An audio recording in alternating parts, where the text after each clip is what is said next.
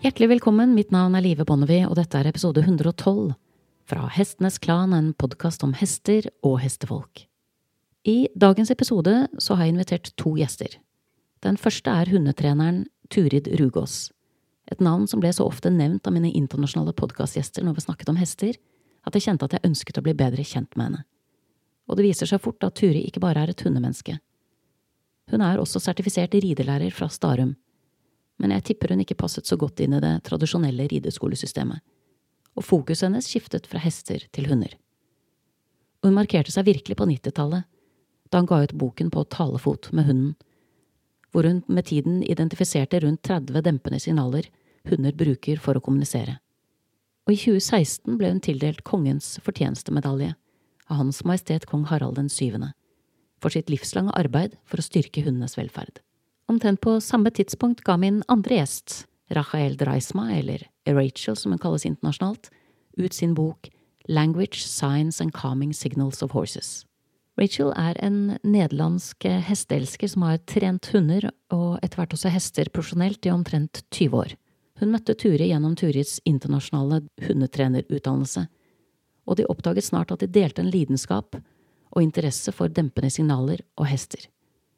Det ble ikke bare starten på et livslangt vennskap, men også Rachels studier av dempende signaler på hest, som boken hennes er basert på. Når jeg møter dem online, så er Rachel på besøk hos Turi her i Norge. Internettkoblingen er ikke så veldig stødig, men jeg vil påstå at innholdet i samtalen vår er det.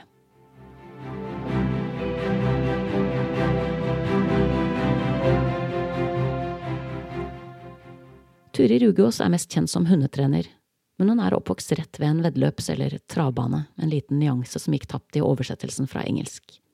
Turi vektlegger tidlig verdien av å sette av tid til å observere. Hun er nøye med å understreke at det er både lærerikt og enkelt å se hvordan hester kommuniserer med hverandre og reagerer på sine omgivelser. Bruk tid på å observere alle dyr når du er rundt dem, insisterer hun. De kommuniserer hele tiden, og jo mer du observerer dem, jo bedre vil du klare å lese dem. Turi argumenterer også veldig godt for verdien av å observere hestene i stallen og i miljøet rundt stallen. I en stall er det gjerne mange stimuli og mye som foregår hele tiden, og dermed reagerer og interagerer og kommuniserer hestene mer. Hun mener også at det er veldig varierende hvor gode vi er til å observere fra naturens side, men hun understreker at alle kan lære det. Hun understreker også viktigheten av å ha tålmodighet i prosessen. Det tar tid å tilegne seg nye språk og ny kompetanse. Rachel traff Turid gjennom hundene, og Turids bok gjorde et enormt inntrykk på henne. Hun lærte å lese hundene bedre, og ble dermed i stand til å veilede eierne bedre. Og siden de begge elsker hester, så var det nærliggende å begynne å studere dempende signaler på hest også. Men hva er dempende signaler? For mange ryttere så er dette signaler de ikke har lært seg å avlese. Og det er gjerne de samme rytterne som opplever det som om uønsket atferd kommer ut av det blå. Men det gjør atferd aldri. Det kan gå fort noen ganger, ja, men det er alltid en lang rekke signaler som kan avleses før en hest bukker, for eksempel. Og kan du lese dem, så er du ikke bare bedre forberedt når bukket kommer, men du kan også bli i stand til å avverge øyeblikket hvor bukking er neste punkt på programmet. Jeg spør dem begge om utfordringen er at dempende signaler er mer subtile, men Turi mener det handler mer om hvorvidt vi er trenet til å avlese dem eller ikke. For hennes erfaring er at eierne på hundekursene ofte svarer at de absolutt har sett de dempende signalene, de har bare ikke visst hva de så, eller hva det betød.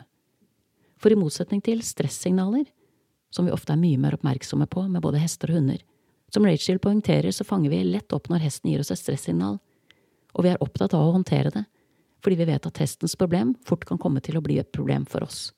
Mens med dempende signaler så er det gjerne slik at hesten opplever noe som et problem, men det skaper ikke nødvendigvis problemer for oss, i hvert fall ikke i første omgang.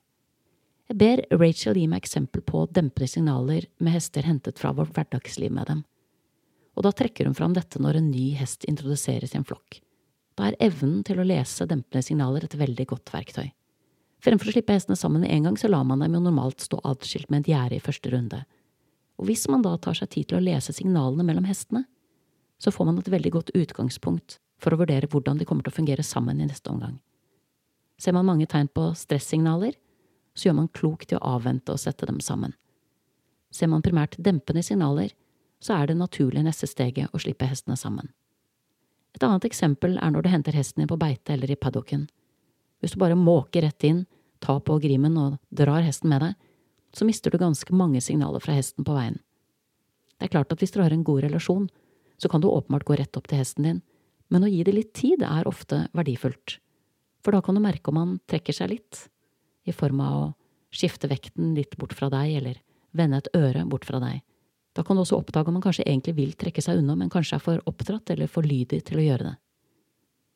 Sender hesten din deg slike dempende signaler, eller blunker eller vender hodet bort, så gjør du klokt i å tilpasse din atferd til å ikke gå for fort frem. Senk tempoet ditt, vend hodet ditt litt bort, gå en liten bue og vær høflig.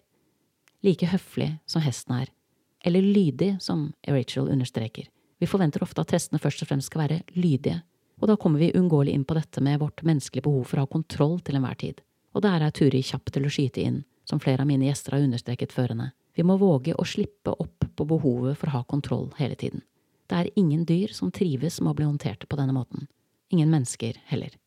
Som nyutdannet ridelærer fra Starum så var det å slippe opp kontroll noe av det første Turi gjorde. Hvis hesten hun red ønsket å snuse på bakken, så lot hun den snuse. Hun så ingen grunn til å hindre hesten i å utøve naturlig atferd. For Turi er det viktig at vi slipper kontrollen og gir dyrene våre valg, aktive valg. For uten valg er det ingen mental vekst, ingen utvikling. Når dyrene får ta aktive valg, så blir det både smartere og enklere å være rundt. Det gir dem også selvtillit og gjør dem bedre rustet for å håndtere hverdagslige utfordringer. Rachel trekker fram at det å gi hesten mer frihet og flere valg kan gjøres både i stor og liten skala. Ta som eksempel det å binde hesten i stallgangen. Hvis du pleier å kryssbinde, kan du velge å binde den med ett tau. Du kan også velge å bruke et langt tau istedenfor et kort. Eller du kan stelle hesten ute i paddocken mens den er løs. Da slipper du å lure på når hesten føler at den er ferdig gredd, for da går den bare. Å bryte små vaner har stor verdi. Se på de små stedene det er mulig å gi hesten litt mer frihet. Å la hesten velge veien på tur er ett eksempel. Eller hvis du merker at hesten vil ut av innhegningen eller paddocken, hvorfor ikke ta ham ut og la ham velge hvor dere skal gå? Det er mange som sier at de ikke har så mange muligheter til å gjøre ting annerledes der hvor hesten deres står, men det finnes alltid muligheter. Ting er ikke svart-hvitt. Det handler ikke om total kontroll eller total frihet. Det handler om å se på mulighetene for å gjøre ting bare litt annerledes. For slike muligheter er det mange av, og man blir ganske skjerpet selv av å lete etter dem. Et dyr som får selvtillit og er vant til å gjøre aktive valg og oppmuntres til å bruke hodet, havner sjelden i problemer, poengterer Turid. De er vant til å tenke selv og løse utfordringer. Ta separasjonsangst, sier Rachel. Hvis du styrker hestens selvtillit og trygghet, så har den helt andre forutsetninger for å være borte fra flokken. Det handler også om hva slags forhold hesten har til deg. Hvis dere er partnere, så vil hesten gjøre alt for deg, fordi det ligger i hestens natur. Det er så enkelt som at hvis vi er gode mot hesten, så er hesten god mot oss, understreker Turi. Og det er dette som vokser ut av å velge samarbeid fremfor kontroll. Men når vi snakker om valg, så er det viktig at testen har et faktisk valg. Og da er vi fort tilbake til dette med at hvis ja skal ha betydning eller verdi, så må det være et rom for et reelt nei. Noe som for mange ryttere fortsatt kan oppleves som et veldig uvant konsept. Og det samme gjelder dessverre for mange av hestene våre. De er så vant til å bli kontrollert at frihet i samspill med mennesker kan oppleves uvant. Det kommer typisk til uttrykk ved at de svarer på tilbud om mer frihet ved å ikke våge å ta imot. Et veldig tydelig tegn på lært hjelpeløshet noe Turid og Rachel, i likhet med mange av mine andre gjester, mener er mye mer utbredt enn folk er klar over. Det er også viktig at hesten får valg som er verdt å velge, altså at den får velge noe som har verdi for den. I intervjuet så snakker vi også om hvordan man som rytter kan gripe det an hvis man lurer på om hesten er mentalt avslått. Med hunder gjør Ture det ofte så enkelt som at hun kaster godbiter utover gulvet og lar hunden forsyne seg mens hun står ved siden av. Og hvis en hund for eksempel er redd for å gå inn i et nytt rom, går Ture bare inn i rommet og venter. Hun gir ingen tegn, ingen godbiter og har ingen hastverk. Hun bare venter til hunden tar sjansen og følger etter, som jo er flokkdyrets innerste natur. Rachel jobber også mye med scentwork eller nosework, altså trening med lukt, som også er veldig stimulerende for hester. De liker som kjent å lukte på ting, og de liker ikke minst veldig godt å snuse seg fram til godbiter. Og det å la hestene snuse på og undersøke ting på vei inn og ut av stallen, for eksempel, er et godt alternativ til å irettesette dem. Vi blir fort veldig travle, men det har stor verdi, både for relasjonen og hestens velferd, å gi hesten rom til å undersøke og være nysgjerrig. En av hovedoverskriftene i samtalen er viktigheten av å gi hesten tid. Tid til å se, tid til å tenke og tid til å forstå hva som foregår. Mental stimulering er viktig. Det å la hestene få ting de kan holde på med. Et juletre etter julaften, for eksempel. Det kan både spises og herjes med og flyttes rundt. Det er ofte så lite som skal til. De trenger bare ting de kan få lov til å holde på med på egen hånd. Å gi hestene store baller å leke med er stadig vanligere, men du trenger jo ikke å lære dem å leke med en ball, de trenger bare å få tilgang til den, og tid til å finne ut av det selv. Dersom du klarer å investere tid og anstrengen for å sikre hestene mental stimulering, så får du utrolig mye igjen for det. Å bruke lukt er bare ett av flere eksempler, men et eksempel jeg har bedt Rachel om at vi tar en egen prat om. Jeg har drevet mye med dette med hunden min, både i form av smellerkurs, der hundene lærer å frysmarkere, og hjemme, både innendørs og utendørs. Det er en veldig enkel form for mental trening som kan utføres nær sagt hvor som helst, og med utallige variasjoner. Og både hunder og hester elsker det. Jeg har gjort en del med min egen hest også, og i tillegg til å leke gjemsel, så er det noe av det han liker aller, aller best. Og igjen, det er en aktivitet man kan gjøre absolutt hvor som helst. I boksen, i paddocken, på banen, i ridehuset, på tur. Det er fort gjort å undervurdere hvor viktig dette med lukt er for hester. Det å bruke luktesansen aktivt engasjerer dem virkelig, og bringer fram en helt annen energi i dem. De koser seg med det, og en hest som er glad og fornøyd, er verken spent, utilpass eller lettskremt.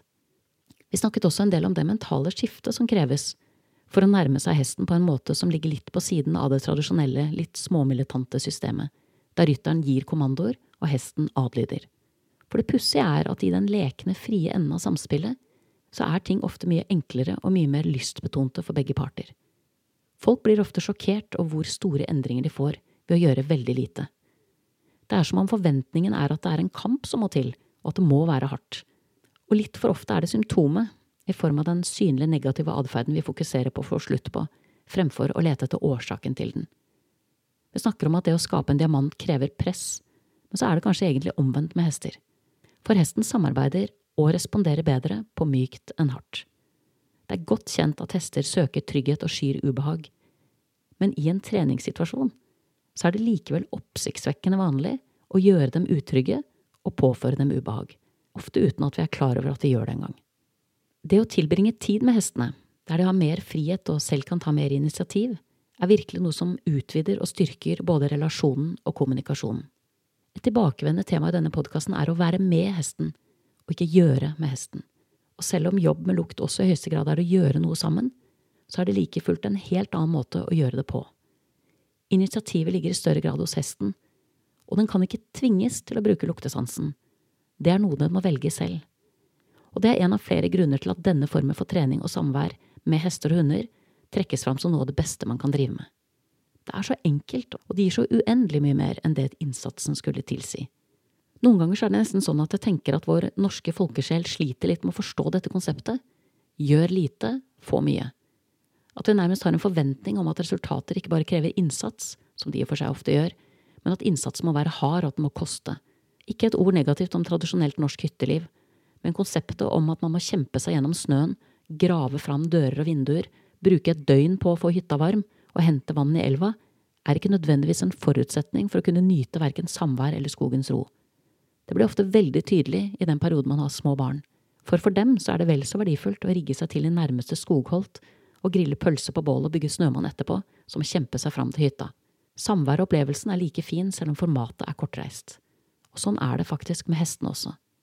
Det enkle er ofte det beste. Og så kan man selvsagt velge større utfordringer etter hvert, når ungene har fått smak på rotnorsk turglede, og når hesten er klar for nye utfordringer. Dyr som har det bra mentalt, har det også bedre fysisk. Et hestehold der hesten får rom for å utøve naturlig atferd, har et variert treningsopplegg der man også vektlegger frihet, valgmuligheter og sikrer hesten mental stimulering, gir resultater. I form av økt velferd, styrket relasjon og bedret fysisk og mental helse. Hestene har en levende samtale gående. De bruker dempende signaler for å kommunisere, og de bruker dem hele tiden. Tren opp din observasjonsevne ved å følge med på hestene i stallen. Hvordan de responderer på ulike folk eller ulike hester som kommer og går, og andre ting som skjer. Du vil oppdage at de forholder seg aktivt til absolutt alt som skjer.